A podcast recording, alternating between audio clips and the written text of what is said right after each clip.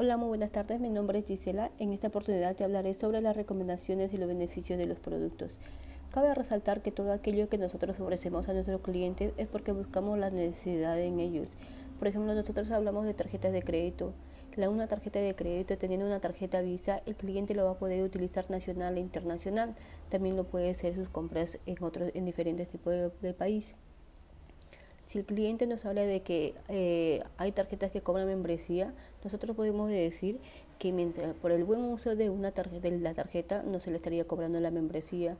O también ofrecerle una tarjeta que es Visa Light que eso no se le cobra nada de membresía y lo puede utilizar cualquier eh, mes del año Aparte de eso, también lo podemos ofrecer que con varios tipos de tarjetas que él lo pueda tener en mano, sea con diseño, o sea una oro, la tampa, él puede acumular millas. Con esas millas él va a poder ir de viaje junto con su familia, ir y vuelta, o también lo puede canjear todo lo que son productos. Si le hablamos sobre una membresía, por el buen uso de la por el buen uso de la tarjeta él no va a poder generar una él no él no va a poder eh, pagar una membresía al contrario lo puede exonerar la membresía. Por ejemplo como un préstamo él siempre va a tener las campañas teniendo esa tarjeta de crédito siempre va a tener las campañas para que le puedan dar un préstamo en efectivo.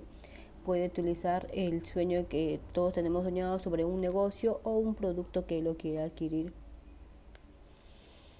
y lo bueno que para también mantener un buen historial crediticio, el cliente eh, teniendo esa tarjeta de crédito o un préstamo, él va a generar mucho más eh, historial crediticio para que así lo puedan dar lo que son tasas preferenciales, tasas preferenciales sobre un préstamo para que él pueda adquirirlo.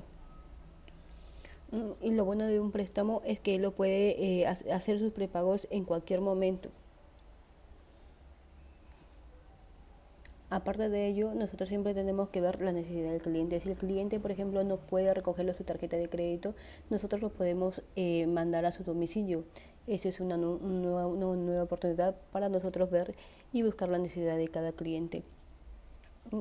Siempre ofrecerle lo que son las tasas preferenciales, eh, los beneficios de cada, de cada producto que nosotros le estamos ofreciendo, eh, esas promociones que a él le va a beneficiar para que él siempre tenga en mente los productos, los productos que nosotros le ofrecemos.